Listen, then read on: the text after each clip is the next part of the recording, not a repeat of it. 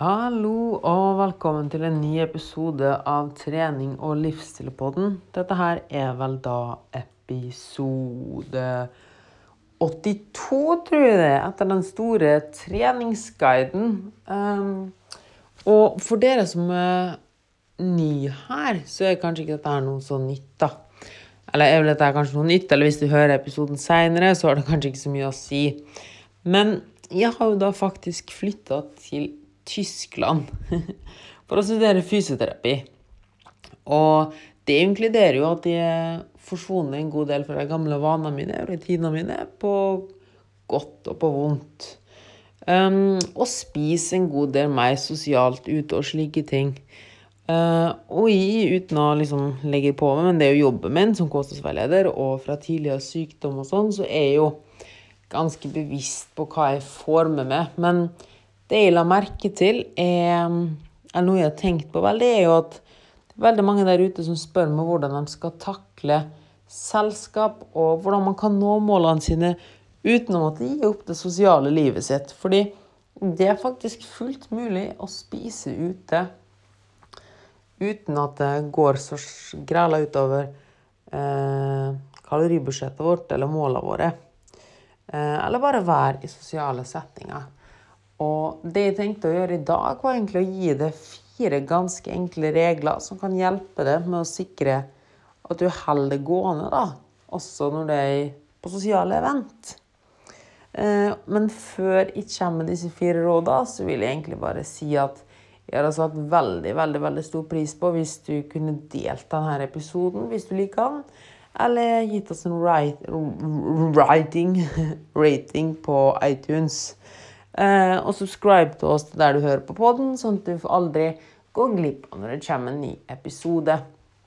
Eh, og husk at desto mer podkasten vokser, desto mer tid kan vi vie den, og desto bedre kvalitet blir det på episodene. Og med det ut av verden tenkte jeg egentlig bare å starte.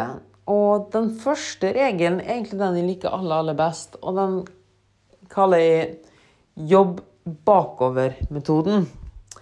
Og det at du først når du planlegger den dagen du skal ut og spise, da, så start med å planlegge hvor mye kalorier det sosiale eventet skal gi deg.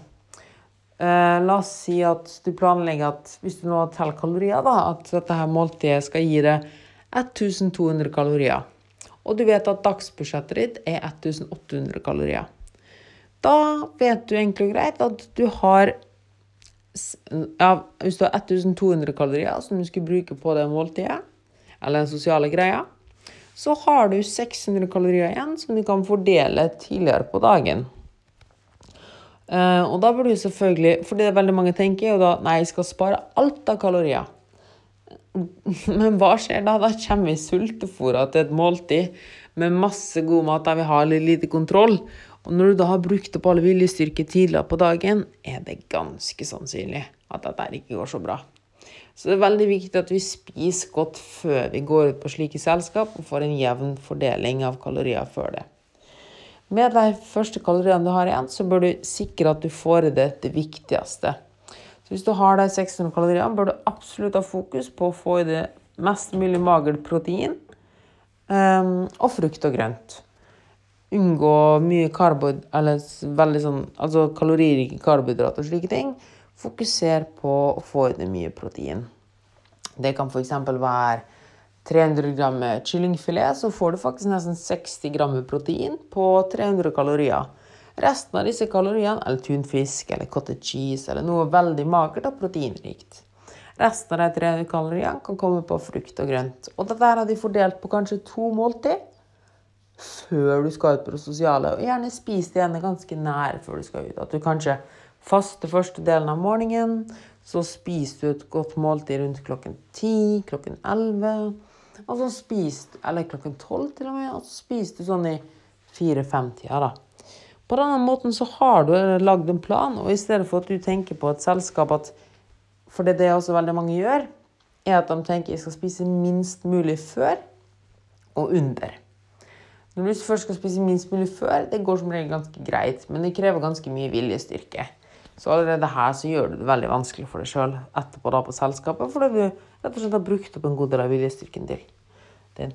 På den andre siden så er minst mulig et veldig vagt mål. Så hva betyr minst mulig når du er ute og spiser? altså minst mulig av hva, og hva er minst mulig? Og det leder mye fortere til at du feiler, og det er så abstrakt. Så ved å sette seg et konkret mål på hvor mye kalorier man skal innta, da, så er det mye lettere å forholde seg til, og man kan liksom porsjonere ut ting mye lettere i det selskapet. I stedet for, ha, for, i stedet for bare å ha et vagt mål med minst mulig. For det sier oss veldig lite, og det er veldig stressende å ha det sånn. Så ha et konkret kalorimål, og tell bak, eller registrer, eller planlegg bakover fra dagen du starter. Det er det første rådet. Det andre rådet er én fat-regelen, eh, eller modellen, da. Og det er til at hver rett eller til hver ting skal du kun forsyne deg én gang med ett fat med en realistisk porsjon. Hvorfor skal du gjøre det? Jo, for å holde oversikten, rett og slett. Um, og ved å ta da må, du, da må du Når du har satt det som retningslinje, så må du kun ta kampen én gang. Om hvor mye saus du skal ha, hvor mye av det friterte du skal ha, og slike ting. Og når tingene ligger på fatet ditt, er det mye mer oversiktlig. Etter det så avslutter du kapitlet 'Forsynere'. Fordi det er én ting som som regel skjer, så er det at folk mister oversikten. Småspis mer og mer. Og dette her fører også til, og det er det veldig mange som ikke tenker over, at du ikke får et fullverdig måltid. Og at balansen mellom tingene for deg blir veldig, veldig rar.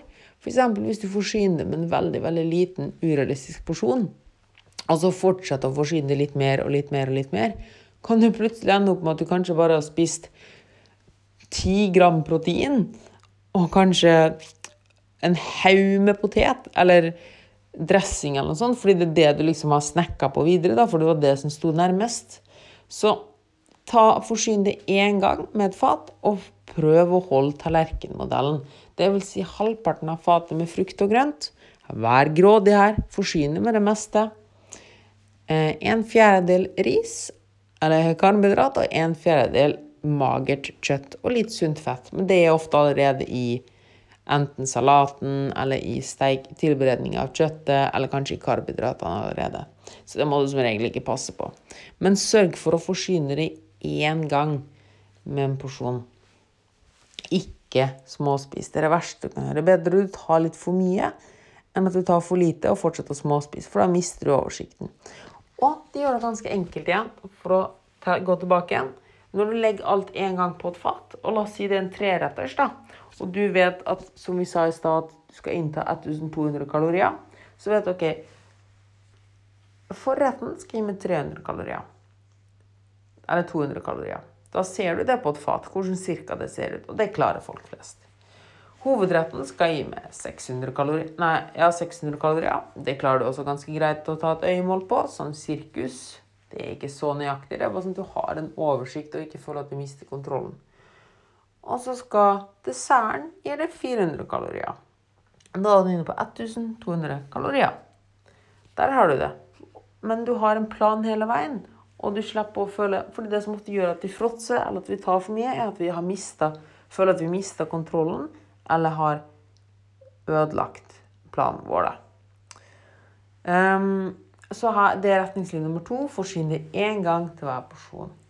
Retningslinje nummer tre er sett av pause. Og jeg liker å kalle dette at du skal dele inn ting i kapittel. Det vil si at nå er kapittelet forrett. Forsyne med mat. Spis den maten. Når tallerkenen din er tom, så venter du og slapper av. Ikke spis mer. Du kan gjerne drikke mer, men kapittelet er avslutta. Nå, åpner du et nytt kapittel, som f.eks. snakke og være sosial. Um, og så tenker du jo at nå åpner jeg et nytt kapittel igjen. Nå er det hovedretten. Nå spiser jeg igjen. Men det har gått en pause imellom der. Der du har aktivt lagt fra deg bestikket. Jeg er ferdig å spise. Jeg er ferdig å drikke, etc. Vi kaller det nyt Nyt å ta pauser-metoden, kan vi kalle den. Det er egentlig rett og slett sånn at du gir tid til kroppen å kjenne at nå er du full, nå har du fått nok mat, og du kan reflektere over handlingene dine. I stedet for at du bare fortsetter å gafle i det, gafle i det. Fordi vi kommer nesten i en sånn transemodus der, og det er veldig viktig at vi klarer å skille litt på den og dele det litt opp, sånn at vi ikke bare føler at vi fråtser og fråtser og fråtser. For selv om vi kanskje ikke gjør det engang, så vil det føles sånn. Og det vil virke som at vi får tap av kontroll, da. Så det vil jeg også anbefale at du gjør. At du deler inn da, eh, At du har, eh, setter inn aktive pauser. Spesielt mellom middagen og kvelden. Sånn at du, spesielt med tanke på å drikke. Ikke drikk ekstra mellom måltider. Det, drikken, alkoholen og sånn, bør du se på som et eget måltid inni der. Eller at du i hvert fall tar med kaloriene. Ikke spis forretten, og så fortsetter du å drikke vin til, hovedre til, hovedretten kommer, eller at du fortsetter å spise appetizers og sånne ting. Ikke spis før forretten. Ofte er det krutonger sånn som står ute, eller små snacks til vin og slike ting. Ikke gjør det. Inndel det hele i kapittel. Nå er det mat og drikke. Nå er det pause. Sørg for at du gjør det for å få en god fordeling, og at du kjenner når du er mett og god, og igjen klarer å holde oversikten. Ideelt sett så bør du da altså, hvis det er forrett, hovedrett og dessert, ha tre fat. Og med mindre du absolutt må, så vil jeg ikke inntatt flytende kalorier.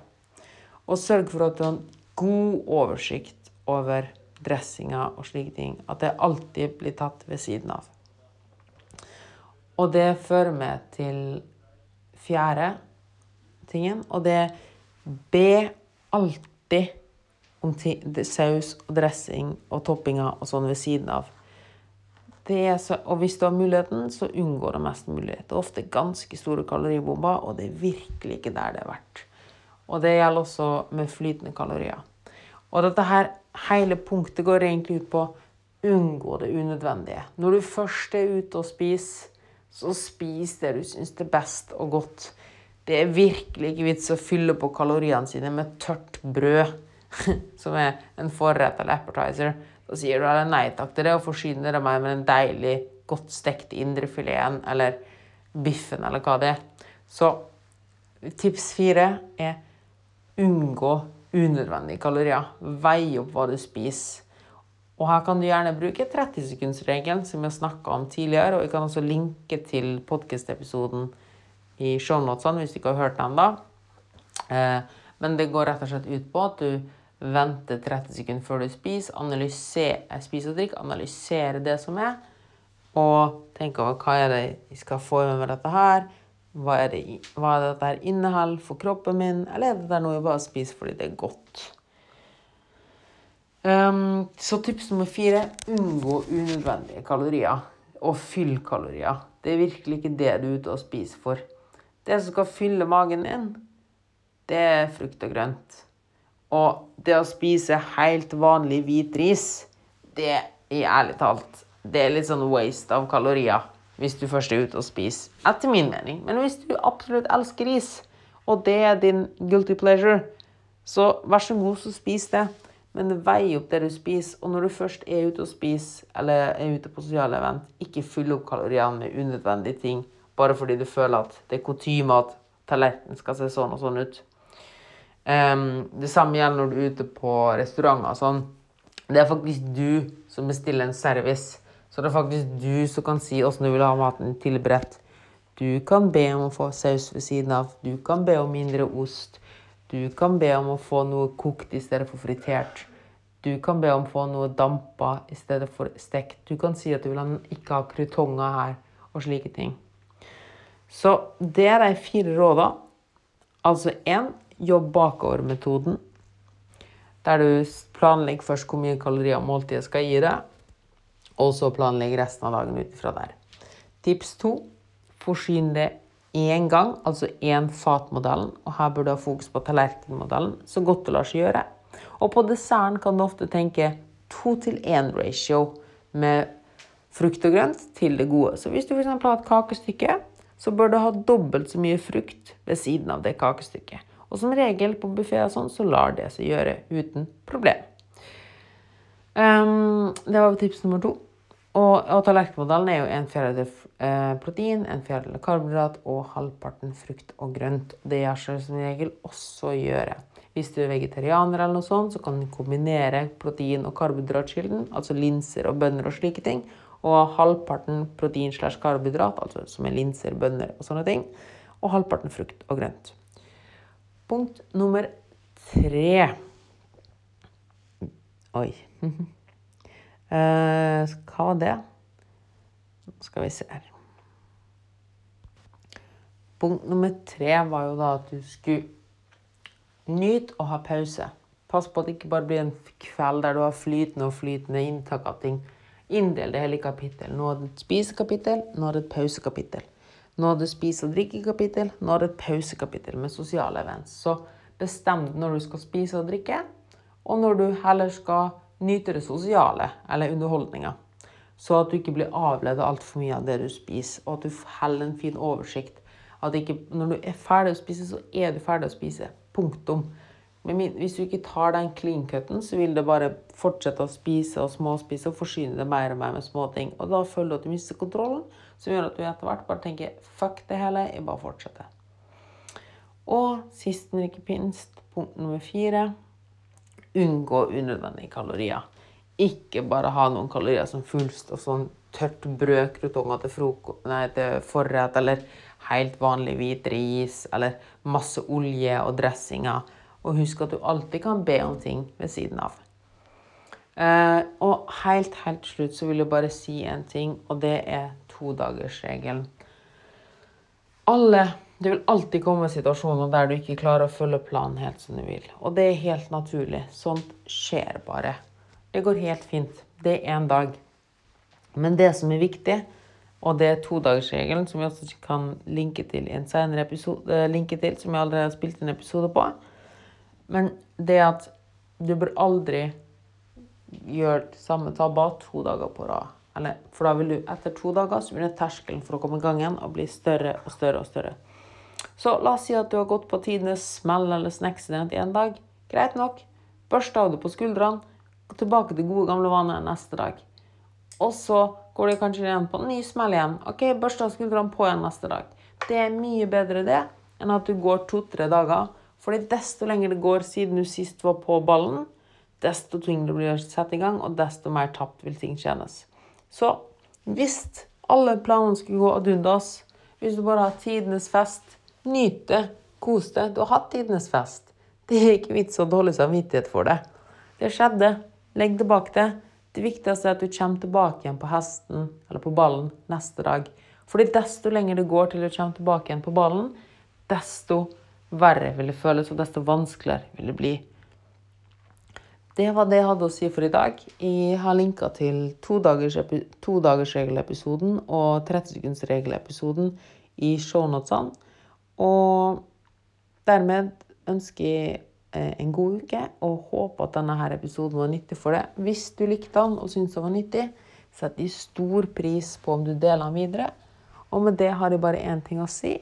Og det er gå og ha en awesome uke. Tudelu!